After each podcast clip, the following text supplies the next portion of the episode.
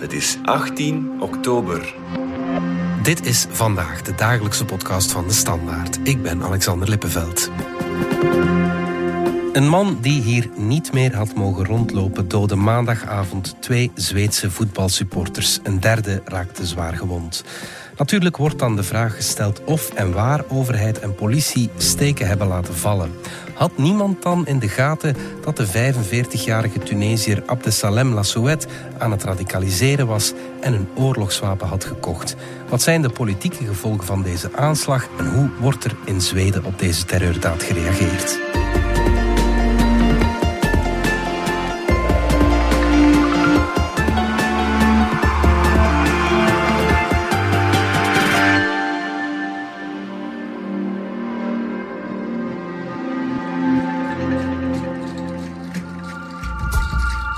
Terrorisme zal nooit winnen. Ik heb dat deze morgen gezegd.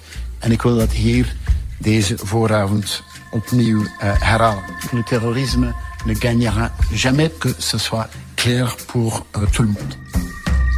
Dat was premier De Croo op een uh, persconferentie dinsdagavond. We maakten dinsdag al een podcast, een extra podcast over de aanslag in Brussel. Maar we gaan er toch nog even op door, want ja, het was wel schrikken natuurlijk. Hè. Om te beginnen ga ik even recapituleren. Een dag lang lag het dreigingsniveau in Brussel op het hoogste niveau. Dat is uh, niveau 4 en dat was echt wel een tijdje geleden. Sommige Brusselse scholen bleven dinsdag gesloten en wie niet in de hoofdstad moest zijn, die werd ook aangeraden om thuis te blijven. Blinde terreur was het maandagavond rond 19 uur in Hartje Brussel.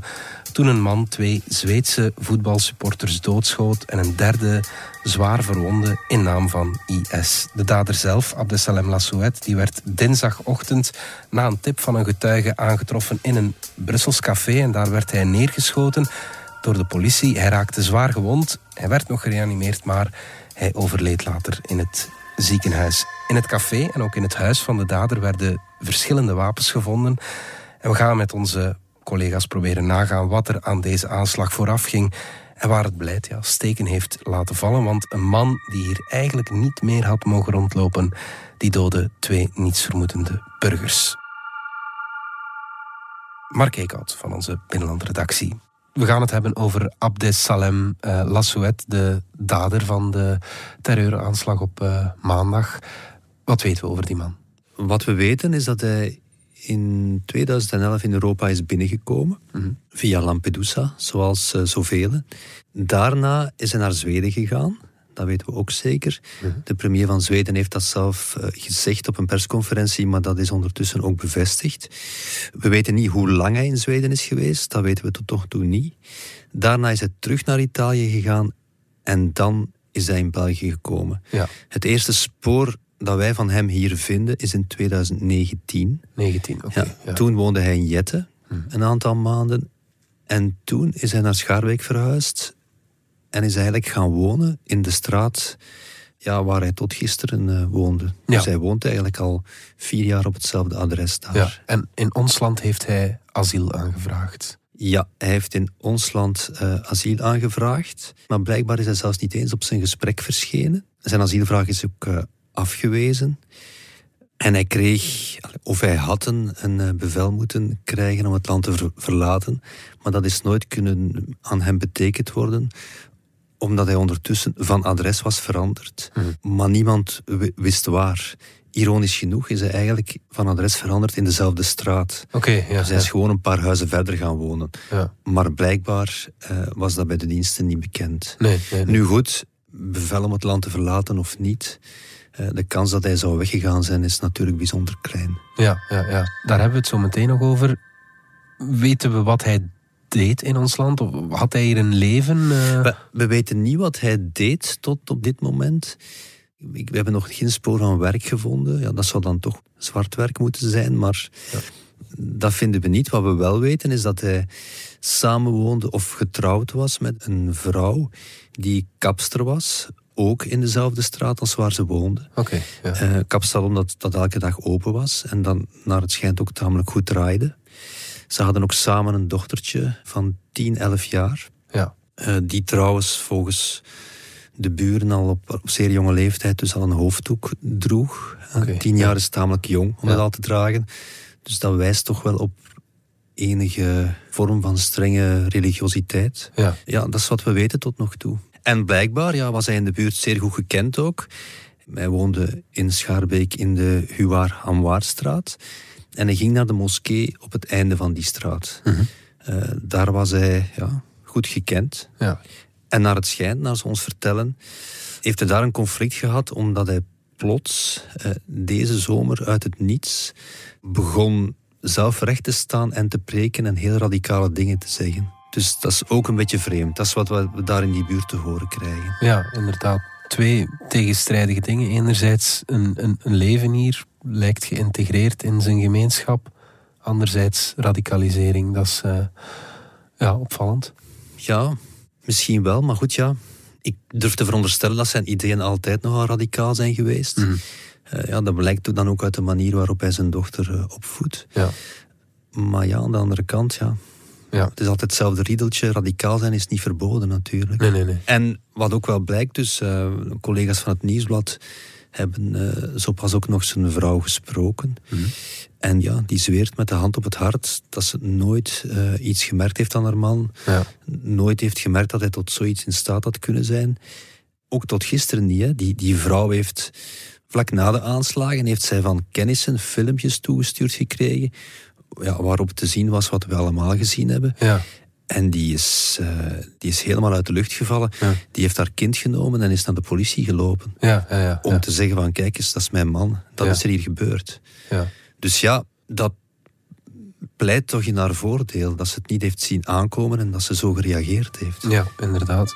Ze was niet de enige die het niet gezien had. De veiligheidsdiensten hadden het ook niet eh, gezien, die radicalisering. Nee, nee.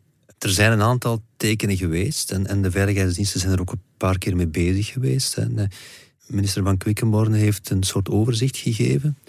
Ik denk in 2016 is er eigenlijk een eerste melding geweest van de Italianen over hem. En dat bericht was toen dat hij zou overwogen hebben om naar Syrië te, te trekken. Ja.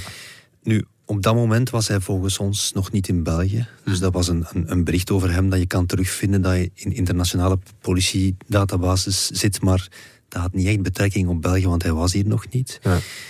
En daarna zijn er nog een aantal dingen geweest. Het meest onrustwekkende toch wel. Dus er was die, die, dat was dat gerucht, dat verhaal dat hij in de moskee begon radicale dingen te zeggen.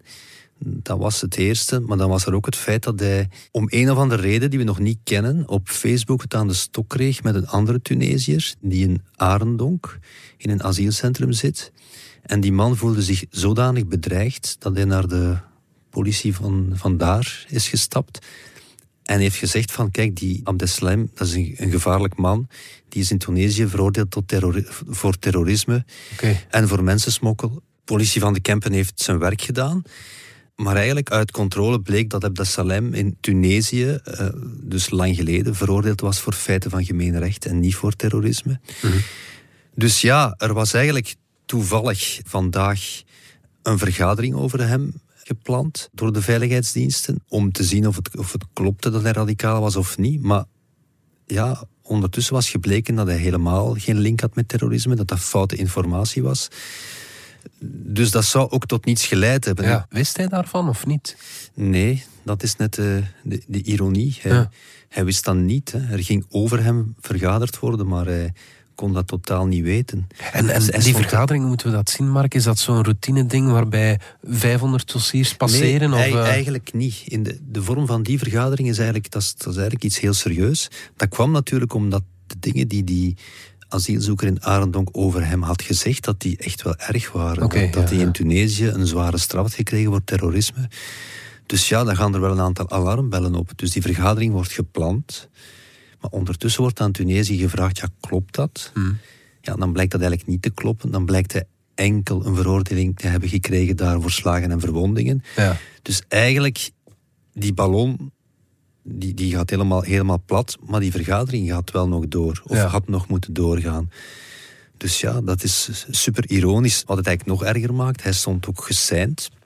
Dus dat wil zeggen dat we hem wilden verhoren daarover.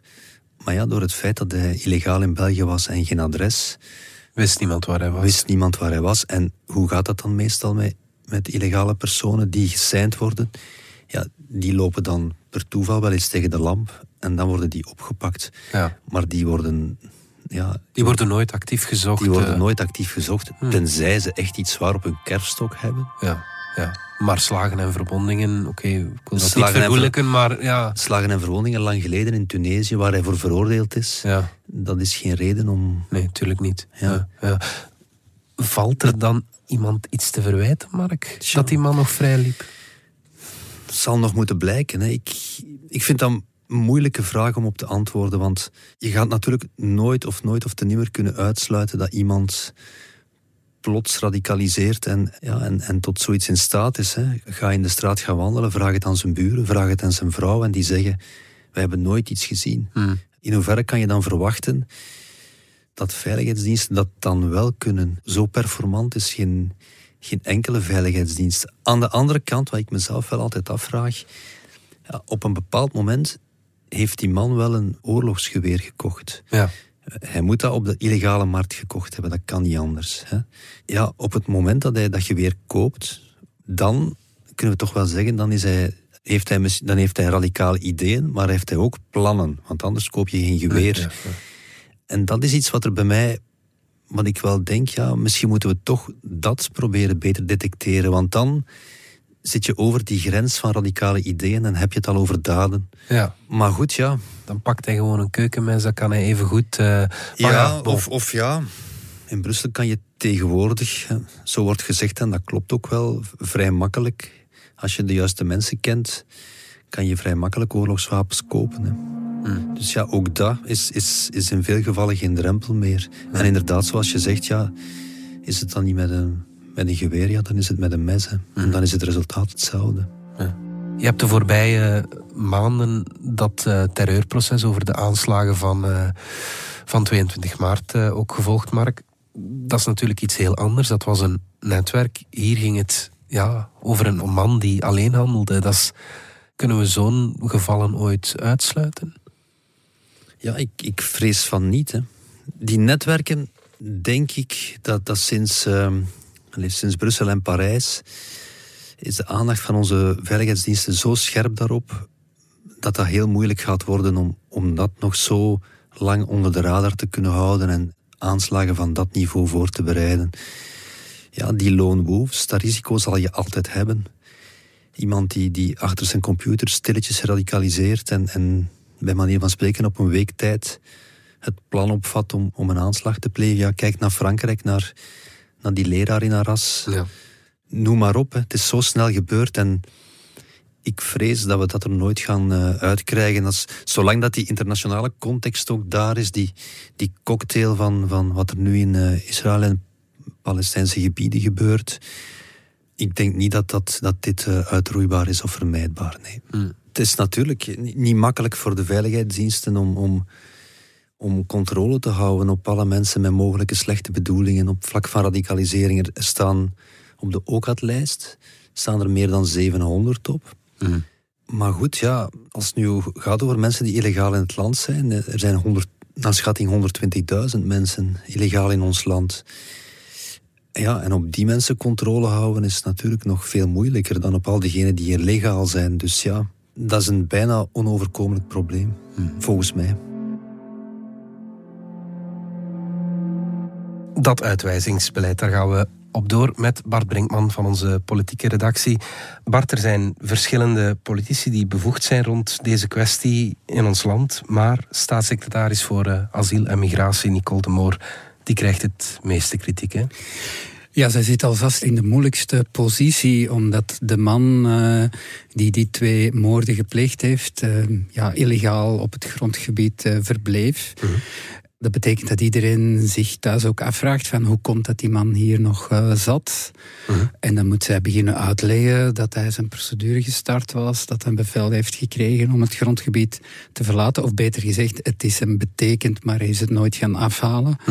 Dan moet zij uitleggen dat zijn adres ambtshalve geschrapt was door de dienst Vreemdelingenzaken. Met andere woorden, dat men gewoon niet meer wist waar hij woonde. Laat staan, kun je de vraag stellen, wist men nog wel bij de dienst Vreemdelingenzaken dat hij nog bestond? Ja, oké. En dus, uh, ja, begin maar. Hè. Ja, inderdaad. Het is wel een symbool van ons falend uh, uitwijzingsbeleid, denk ik. Ja, eh, en dan, ja, dan zowel premier De Croo als minister van Justitie Vincent van Quickenborne hebben dan toch duidelijk op de persconferentie na de Veiligheidsraad uh, dinsdagmiddag toch een beetje ja, gewezen op het feit dat dat anders moet. Dus de Croo had het over het feit dat ja, mensen die een eh, bevel hebben gekregen om het grondgebied te verlaten, ja, dat zou dan toch ergens dwingender moeten zijn. Een order om het grondgebied te verlaten, dat moet dwingender worden. Vrij vertaald, als iemand uitgeprocedeerd is en als er een beslissing is dat die persoon het land moet verlaten, dan moeten we ervoor zorgen dat we op een dwingende manier die persoon het land kan verlaten. Nu is het eigenlijk niet dwingend. Je krijgt dat en, en dan is het aan u om te beslissen wat je daarmee doet. Mhm. Maar ook um, Vincent van Quickenborne, die, ja, die zei op een bepaald moment... Ja, de prijs die we betalen voor criminele illegale is hoog in dit land. Illegalen kunnen niet worden teruggestuurd en ze verdwijnen dus hier onder de waterlijn. En de prijs die we daarvoor moeten betalen, zeker als het gaat over criminele illegalen, die is te hoog. En die gaat ten koste van de veiligheid van onze mensen.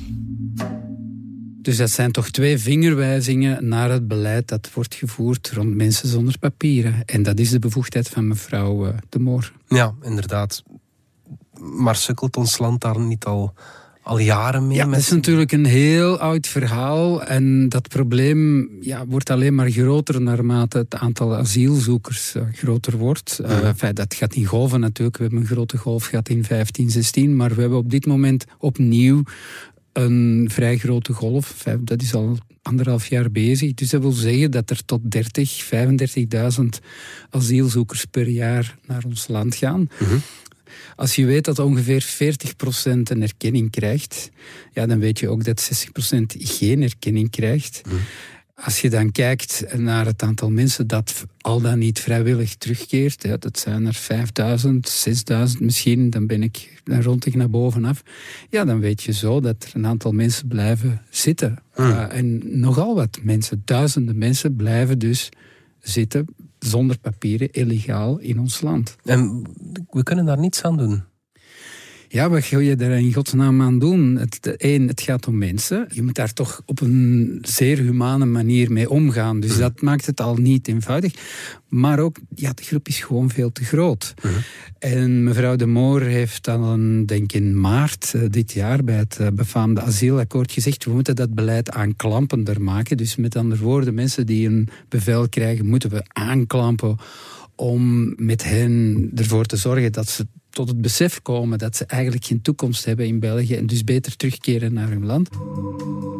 Landen moeten accepteren om hun eigen onderdanen terug te nemen. En als landen niet meewerken, moeten wij schouder aan schouder sterker reageren en maatregelen nemen met betrekking tot handelsinvesteringen, ontwikkelingssamenwerking, het visumbeleid. Dat is wat we moeten doen om die landen tot terugkeersamenwerking te bewegen. En daar moeten we sterker op inzetten. Daar, dat had ik echt gemerkt toen ik in Tunesië was in maart om daarover te spreken. Dan kun je de vraag stellen, hoe ga je dat organiseren? Want het gaat echt om duizenden mensen. Ja. Gaan we duizenden ambtenaren daarvoor inzetten? Dat denk ik niet. Er is gewoon geen geld voor. Mhm. Dus ik denk dat dat dan zo'n beetje ja, praat voor de vaak is. Ik, ik, denk dat dat ook een beetje de onmacht bewijst van mevrouw de Moor. En dat kan je haar persoonlijk niet aanwrijven, want dat was evengoed een probleem bij al haar voorgangers. Mhm. Dat het terugkeerbeleid, dat is het lastigste onderdeel van het asielbeleid. En iedereen is erover eens dat je een terugkeerbeleid nodig hebt, want anders heb je eigenlijk geen beleid. Mhm. En tenslotte, en dat is uh, ook niet onbelangrijk, je hebt natuurlijk ook landen nodig die toelaten mm. dat hun onderdanen terugkeren. En dat, ja, ook dat wil wel eens tegenvallen. Ja. En dan verwees uh, Vincent van Quickenborne met een beschuldigende vinger naar de Noord-Afrikaanse landen. En dan, ja, dan gaat het natuurlijk vooral over, uh, over Algerije, Tunesië en tot op zekere hoogte ook wel Marokko. Het is wel pijnlijk duidelijk geworden dat onze veiligheidsdiensten botsen op de onwil van bepaalde Noord-Afrikaanse landen om een illegalen terug te nemen. Hoeveel mensen zijn er zoal teruggekeerd dit jaar? Ja, ik ken alle cijfers uh, niet uit mijn hoofd, maar bijvoorbeeld voor Tunesië heeft mevrouw de Moor vandaag uh, medegedeeld dat het nog geen twintig mensen waren. Oké. dus twintig. Ja. Uh, dus ja. Dat is heel weinig. Ja. Dus dan weet je dat het een heel moeilijk proces is als je beseft dat het ja, potentieel om honderden, misschien duizenden mensen gaat. Ja. Kunnen er politieke gevolgen zijn voor de Moor? Bart, riskeert ze haar job? Um, ja, dat is moeilijk te voorspellen. Soms krijgt politiek een, een, bepaalde dynamiek waar je moeilijk onderuit kunt. En dan meestal op het einde van de dag ja, ligt jouw hoofd op tafel. Ik weet niet of het in dit geval uh, zal gebeuren. Ik denk niet dat CD&V toelaat dat zij hiervoor de rekening krijgt. Mm. Maar ik denk wel dat mevrouw de Moor in het, ja, op het moeilijkste moment van haar carrière staat. Kijk, dit is een vreselijke moordpartij. Maar het eerste wat de mensen zich thuis afvragen is van... ja, maar die man mag hier niet zijn. Mhm. Dat is logisch. Uh, en dan kun je een hele ingewikkelde uitleg geven... om te verklaren waarom dat, dat komt. Maar nog altijd gaan mensen zeggen... ja, maar die mag hier niet zijn. Mhm. En dan weet je natuurlijk dat er zeker één partij is... die daar heel gretig van gebruik zal maken in hun uh, propaganda. Dat is Vlaams Belang natuurlijk. Uh, absoluut. Wat we wel met zekerheid kunnen stellen is dat Nicole de Moor uh, het Europees voorzitterschap, waarin ze dat migratiepact moet uh, afronden, ja, niet echt onder een goed gesternte zal starten natuurlijk. Ja en nee. Op zijn minst zal het ook denk ik voor iedereen duidelijk worden dat de inzet wel heel groot is. Mhm. Dat heeft ook uh, premier De Croo na de Veiligheidsraad uh, verteld. Dat je natuurlijk, als je dat dwingender wil maken, zo'n bevel tot uitzetting, dat je dat eigenlijk ook in Europees verband moet doen. Mhm. Want anders gaan de mensen gewoon naar een ander land en dan verplaats je het probleem, als ik het zo mag zeggen. Dus het geeft gewoon aan dat het op Europees vlak moet gebeuren. Maar ik moet eerlijk toegeven dat ik daar ook een beetje pessimistisch ben, omdat er zijn al een aantal deelakkoorden gesloten. Maar ik moet het toch nog altijd zien gebeuren. Straks kijken we naar Zweden en hoe er daar gereageerd wordt op de dood van hun landgenoten. Maar eerst gaan we er even uit voor reclame. Ben jij ook verslingerd aan podcasts? Kom dan op 10 en 11 november naar Cursaal Oostende voor de tweede editie van het podcastfestival van De Standaard. Op de affiche live-opnames, talks en luistersessies van de grootste podcasts uit binnen- en buitenland. Waaronder Nerdland Podcast, De Volksjury, Gossip Guy, De Stemmen van Assisen, De Kunst van het Verdwijnen, Audiocollectief Schik, The Legend of Cillian en uiteraard zijn wij er ook met DS Vandaag, Radar en La Croix, Ik Was Gangster. Kortom, een feest voor het oor. En jij kan erbij zijn. Alle info en tickets op dspodcastfestival.be.